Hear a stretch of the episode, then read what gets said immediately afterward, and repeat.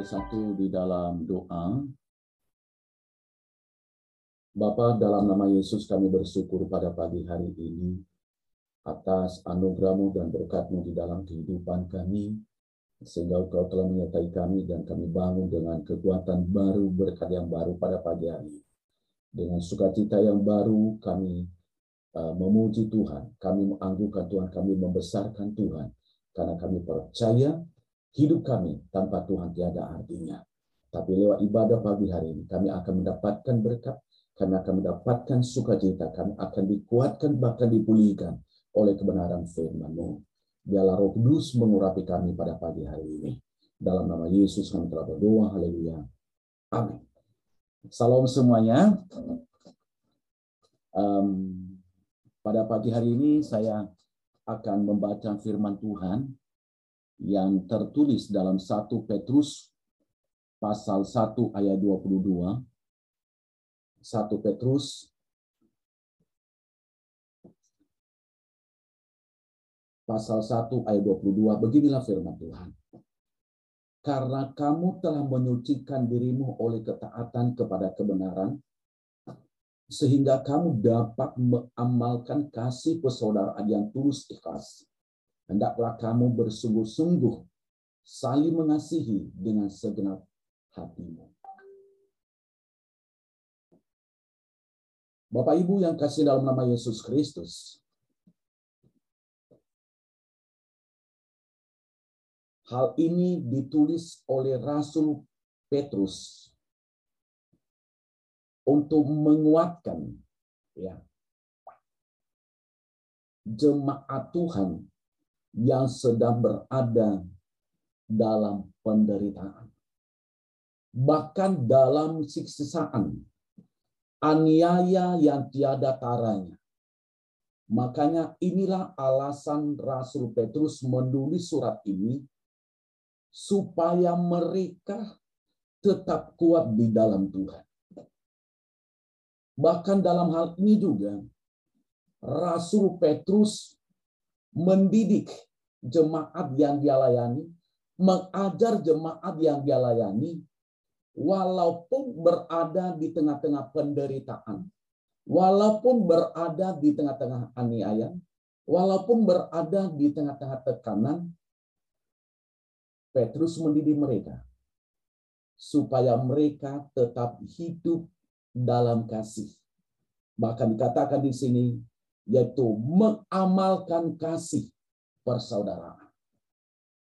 Dan kalau kita melihat hampir dua tahun terakhir ini juga, kita secara mendekat kepada bangsa kita. Bangsa kita menghadapi masalah yang sangat rumit, yaitu pandemi COVID. Ekonomi, saudara ini kasih Tuhan pertumbuhan ekonomi tidak terlalu signifikan. Kita lihat banyak orang yang di PHK, banyak orang yang mengalami kekurangan, banyak orang juga ya bahkan ada suami istri yang bercerai. Kenapa? Karena masalah ekonomi. Berarti hidup dalam penderitaan. Nah, di sini saudara kasih Tuhan, dibutuhkan kehadiran anak-anak Tuhan. Dibutuhkanlah kehadiran gereja, dibutuhkanlah kehadiran orang-orang percaya, bahkan orang-orang eh, beriman yang bisa mengamalkan namanya yaitu kasih persaudaraan ini. Ya. Kita bersyukur gereja-gereja hadir di tengah-tengah penderitaan. Baik juga menjadi panitia vaksin, baik juga saudara dikasih Tuhan membagikan sembako-sembako bahkan melakukan bakti sosial, melakukan apa saja. Selama pandemi ini saya lihat banyak gereja-gereja lokal melakukan hal itu. Kenapa? Mereka mengamalkan yaitu namanya kasih persaudaraan ini. Makanya pada pagi hari ini saudara dikasihi Tuhan, saya memberikan judul khotbah saya ini, Cinta Kasih Kristus yang menggerakkan persaudaraan. Cita kasih Kristus saat digerakkan melalui persaudaraan. Karena tanpa kasih, kita tidak bisa melakukan segala sesuatu. Tanpa kasih yang tulus, kita tidak akan bisa langgeng untuk ya saudaraku menggerakkan persaudaraan itu. Tanpa kasih yang murni, tanpa kasih yang suci, apa yang akan terjadi? Akan membawa dampak yang sangat negatif.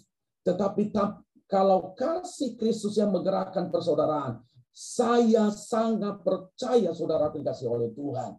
Hal itu akan langgeng saudaraku yang dikasihi oleh Tuhan. Dan dia tidak akan pernah menghitung jasanya.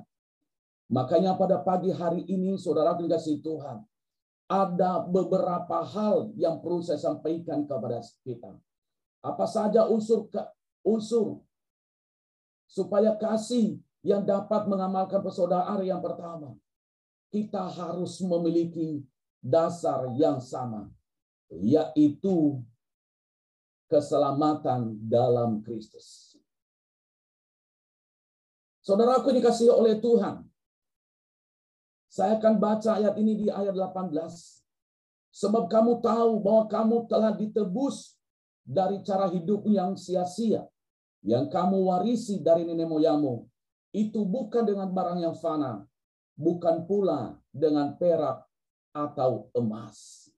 Jadi kita harus yaitu dasar yang sama, yaitu keselamatan dalam Yesus Kristus. Berarti saudara kasih Tuhan, kita akan melihat di sini, yaitu pusat persaudaraan itu bukan karena karya manusia, bukan karena karya para teolog, bukan karena karya orang-orang kaya, Bukankah karya para pendeta? Bukan karena karya para majelis gereja? Bukan karena karya para pengerja gereja? Bukan karya orang-orang hebat? Bahkan saudara dikasih Tuhan. Bukankah karya yaitu para um, sekolah-sekolah teologi, tetapi karya keselamatan itu adalah dikerjakan di dalam Yesus Kristus. Ya. Kalau kita melihat yang dapat mengamalkan persaudaraan itu adalah harus melalui karya keselamatan yaitu di dalam Yesus Kristus. Kalau kita mengerjakan itu, saya sangat percaya saudara dikasih oleh Tuhan. Mengamalkan persaudaraan itu akan langgeng saudaraku. Kenapa?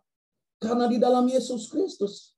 Makanya jangan heran kalau dia mengamalkan persaudaraan itu hanya semu. Kenapa? Karena bukan di dalam karya keselamatan dia kerjakan. Makanya banyak orang yang hidup jasa, banyak orang yang kecewa, banyak orang yang mundur dari Tuhan, banyak orang yang tinggalkan Tuhan, banyak orang yang pali bahkan meninggalkan Yesus. Kenapa? Karena dia mengamalkan persaudaraan itu bukan melalui karya keselamatan di dalam Yesus Kristus. Saudaraku, kalau mau cinta kasih Kristus yang menggerakkan persaudaraan itu, saya sangat percaya saudara akan kasih Tuhan. Di situ kita akan melihat kasih persaudaraan itu akan lebih efektif. Kenapa? Karena di dalam penyelamatan Yesus Kristus. Mungkin kita mengerjakan selama ini. Mungkin kita berkata selama ini, oh begini begitu. Tapi ada masalah sedikit. Kita tidak pernah mengerjakannya. Ada masalah sedikit. Kita sudah jauh dari Tuhan. Ada masalah sedikit. Kita sudah enggan lagi. Makanya hari ini sebagai hamba Tuhan saya mau ingatkan kepada kita. Mari. Mari. Kita kasih terus saya menganggarakan persaudaraan itu. Harus kita amalkan melalui karya keselamatan. Yang kedua, saudara dikasih Tuhan. Apa saja unsur supaya kasih yang dapat mengamalkan persaudaraan? Yang kedua adalah kita harus memiliki karakter. Yaitu karakter apa? yaitu kesucian. Saya akan baca ayat 15 dan 16. Tetapi hendaklah kamu menjadi kudus di dalam seluruh hidupmu, sama seperti dia yang kudus, yang telah memanggil kamu. Sebab itu ada tertulis, kuduslah kamu, sebab aku kudus. Saudaraku yang dikasih oleh Tuhan. Kalau seseorang dia menekankan ego. Kalau seseorang menekankan kehebatannya, kalau seseorang menekankan dosanya,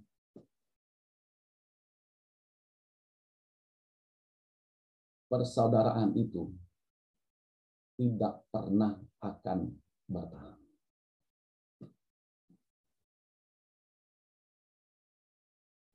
Menggerakkan persaudaraan itu kalau kita ego amalkan kehebatan kita, apa yang akan terjadi? Mengamalkan persaudaraan itu hanya seketika. Kenapa? Karena bukan itu yang akan mengikatkan. Justru yang ingin ditonjolkan di sini adalah keegoisan masing-masing. Itu dia makanya saya katakan tadi memiliki karakter adalah kesucian. Ketika kita hidup dalam kesucian, apa yang akan terjadi? Ya, kasih persaudaraan atau menggerakkan persaudaraan itu akan utuh. Kenapa? Karena orang yang memiliki kesucian dan kekudusan itu adalah karakter Yesus sendiri. Ya. Kalau tidak memiliki kesucian dan kekudusan, ya, itu adalah praktek orang dunia atau kelakuan orang yang tidak mengenal Tuhan. Ya. Kelakuan orang yang tidak mengenal Tuhan, saudara kasih Tuhan. Itu kelakuan orang yang tidak mengenal Tuhan. Orang yang tidak mengenal Tuhan. Dia petikan kepentingannya. Orang yang tidak mengenal Tuhan. Dia andalkan kekuatannya. Orang yang tidak mengenal Tuhan. Bagaimana di dalam persaudaraan itu mendapatkan keuntungan. Ya. Orang yang tidak mengandalkan Tuhan, orang yang tidak hidup dalam kekudusan dan kesucian, apa yang akan terjadi? Dia akan ada trik-trik untuk menghancurkan yaitu persaudaraan itu. Saudara aku dikasih Tuhan, ini adalah tema Natal tahun 2021 yaitu PGI dan eh, apa? Ya, eh, dan KWI saudara aku dikasih Tuhan yaitu cita kasih Kristus yang menggerakkan persaudaraan. Jadi saya coba bahas kepada kita walaupun belum Natal. ya walaupun belum Natal. ya, itu dia. Ya, ini dia saudara kasih oleh Tuhan.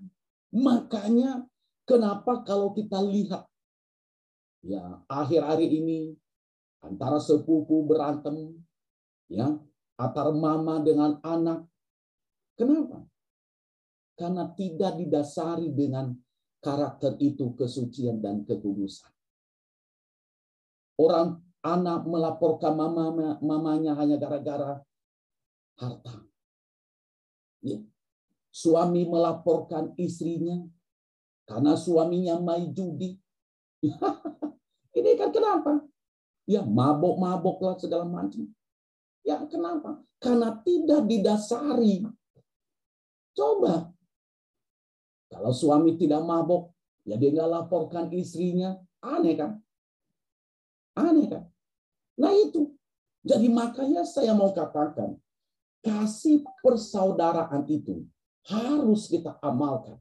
Harus kita gerakkan saudaraku. Melalui apa?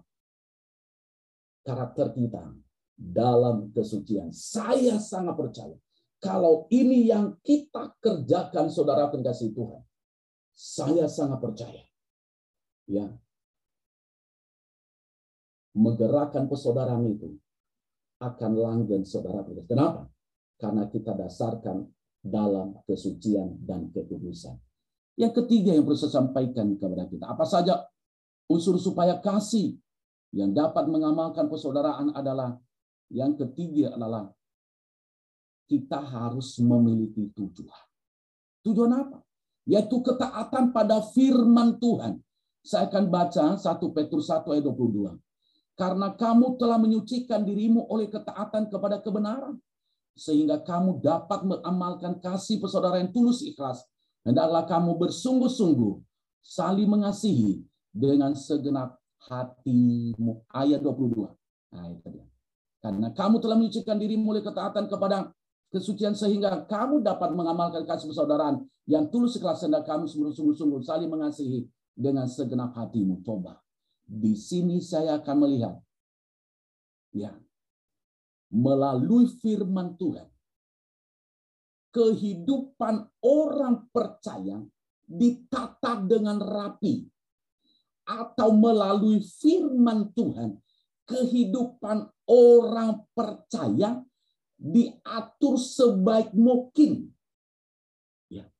Kehidupan orang percaya. Ya. Kenapa? Kalau kasih didasarkan atas firman Tuhan, saudara dikasih oleh Tuhan, saya percaya akan terus mengalir kasih itu. Kenapa? Karena Yesus terlebih dahulu mengasihi kita. Karena Yesus telah dahulu berkorban bagi kita. Makanya di sini harus ada ketaatan melalui firman Tuhan. Ya. Makanya orang yang taat.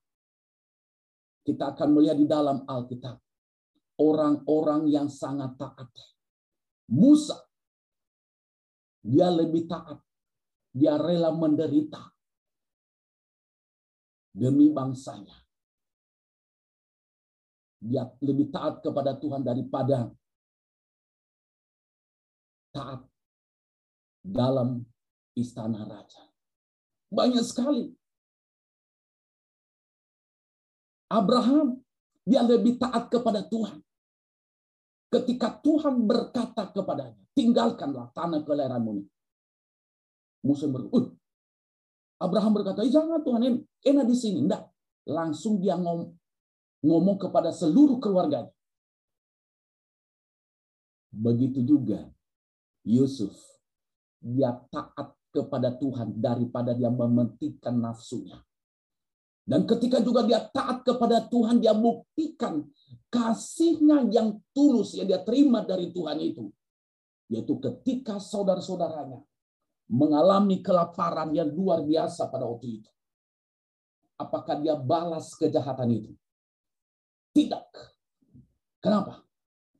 Karena kasih. Karena ketaatannya atas firman Tuhan. Orang yang taat pada firman Tuhan tidak neko-neko saudara pengasih Tuhan. Saya ngomong begitu. Dia tulus.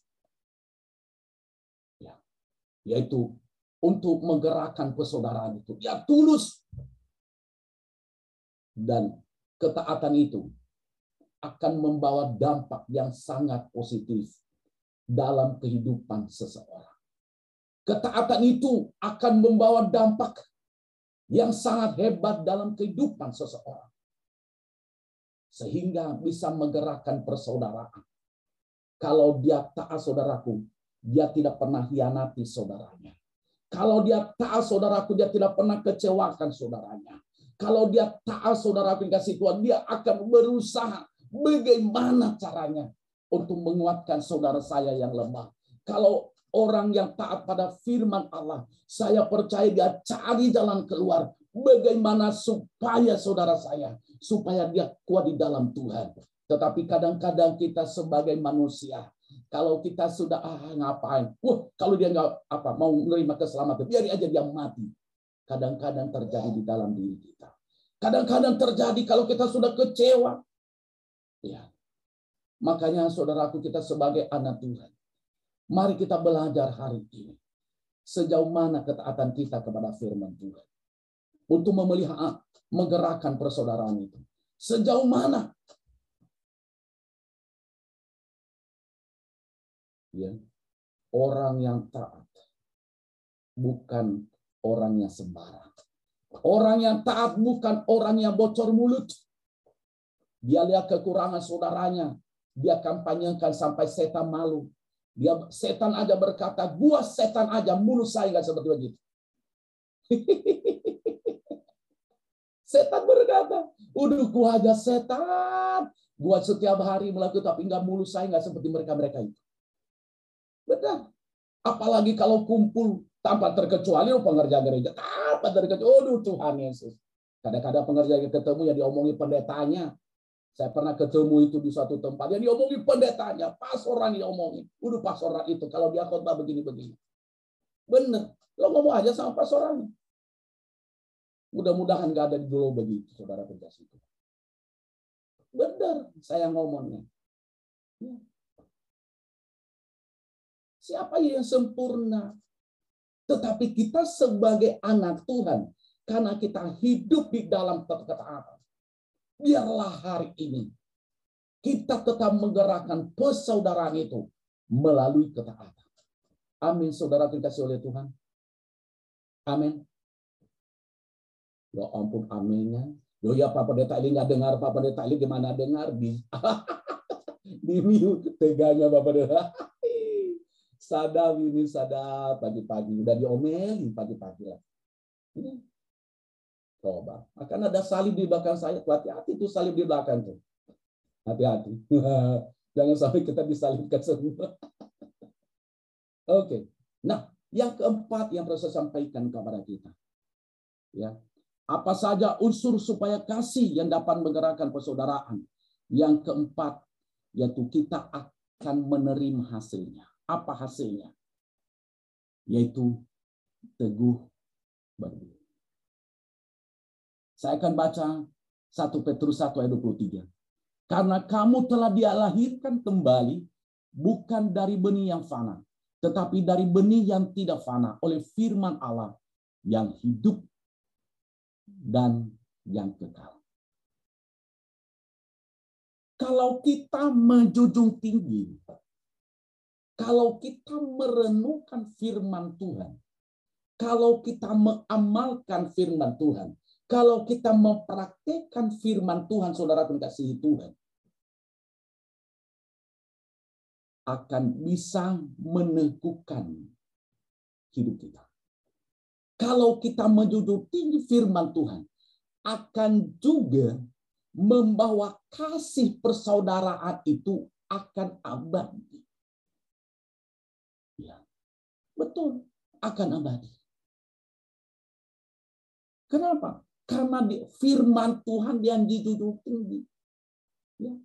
Firman Tuhan itu yang dipraktikkan. Firman Tuhan itu yang yang menjadi benih yang mengikat yaitu menggerakkan persaudaraan itu atau mengamalkan persaudaraan itu.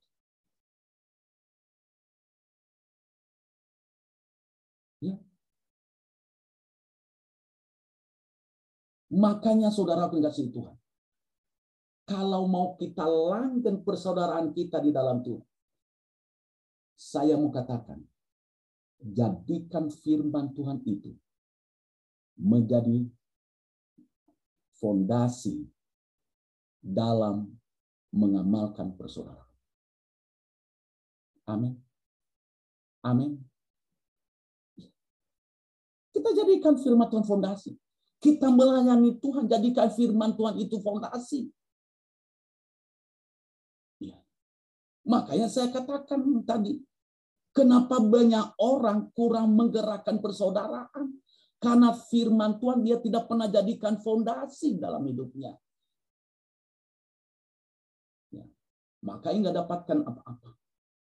Orang yang menjadikan firman Tuhan menjadi fondasi, dia akan kuat dia tidak pernah akan melihat sebagai masalah kekurangan dari saudaranya itu. Dia tidak pernah melihat sebagai penghalang untuk terus dia menggerakkan persaudaraan dalam kekurangan saudara. Kenapa? Ada firman Tuhan. Loh, di dalam firman Tuhan ada loh.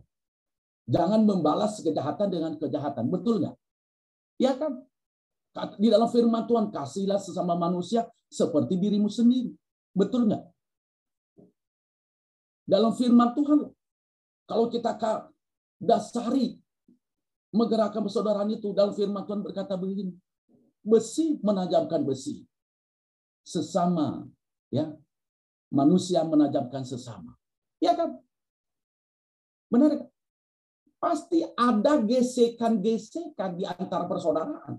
Tetapi gesekan itu tidak dipakai untuk menghancurkan. Bahkan untuk menggeregakkan persaudaraan itu. Justru gesekan itu dipakai seperti tadi besi menajamkan besi. Manusia menajamkan sesamanya. Ya. Jadi justru, justru dipakai untuk apa saudara akan kasih tahu? Untuk menajamkan supaya lebih maju bersama. Kalau kita dasari dengan firman Tuhan. Makanya lewat doa pagi ini, saya sangat percaya kita akan semakin kuat. Karena doa pagi ini, setiap hari dari Senin sampai Jumat, kita dididik, diarahkan melalui firman Tuhan. Amin, saudara terkasih Tuhan. Jadi ada fondasi hidup kita, yaitu melalui firman Tuhan. Jadi untuk itu saudara terkasih Tuhan, mari ya, mari kita tetap ya memelihara cinta kasih Kristus yang menggerakkan persaudaraan. Ya, saya ambil ya kesimpulan hari ini dalam uraian eh, renungan pagi ini. Marilah kita menggerakkan persaudaraan yang rukun melalui kasih yang beralaskan pada kasih Kristus, kesucian hidup, dan ketaatan melakukan firman Tuhan. Sukses saudara. Tuhan Yesus memberkati. Mari kita renungkan firman Tuhan ini. Bapa dalam nama Yesus Kristus, biarlah cita kasih Kristus itu menggerakkan persaudaraan kami. Biarlah kami dasari melalui firman Tuhan. Biarlah melalui ketaatan. Biarlah melalui kesucian dan kekudusan. Dan kami sangat percaya juga. Kalau kami mengerjakan ini, hidup kami akan selalu berkenan kepada Tuhan. Mungkin selama ini kasih yang kami lakukan adalah kasih bukan kasih dari Kristus. Ampuni kami. Biarlah kasih agape itu ada di dalam diri kami. Kalau kasih agape yang kami kerjakan akan langgeng dan membawa dampak yang sangat positif baik dalam kehidupan kami yang mempraktikkan kasih itu bahkan kepada saudara-saudara kami. Bapak dalam nama Yesus, hamba mau berdoa buat jemaat Tuhan. Kalau ada yang sakit hari ini, Bapak sembuhkan mereka. Apa pun penyakit mereka, di dalam nama Yesus Kristus, segala penyakit apa pun, saya tolak di dalam nama Yesus. Saya hancurkan di dalam nama Yesus. Keluar hari ini juga karena tubuh anak-anakmu telah ketebusan darah Yesus. Karena tubuh anak-anakmu baru kudus. Bukan tempat penyakit. Bukan tempat penderitaan. Di dalam nama Yesus. Saya cabut kuasa penyakit itu dalam diri mereka. Dalam nama Yesus Kristus. Bapak, pulihkan. Kalau ada hal-hal yang lain. Ada yang kecewa pulihkan pada pagi hari. Ampuni ya Allah. Biarlah lewat firman Allah yang telah kami dengar kami terus dipulihkan, kami terus dididik, kami terus diarahkan, sehingga hidup kami selalu menyenangkan hati Tuhan. Kau memberkati setiap pribadi pada pagi hari. Biarlah cinta kasih Kristus yang menggerakkan persaudaraan itu. Bapak akan nyata di dalam kehidupan kami. Biarlah gereja kami, gereja GBI Go Fellowship Center, semakin bersinar melalui program-program, melalui engkau berharga, melalui program diakonia, melalui program kamu hebat, kami percaya semakin menjadi berkat bagi banyak orang. Terima kasih Bapak. Di dalam nama Yesus Kristus kami telah berdoa. Haleluya.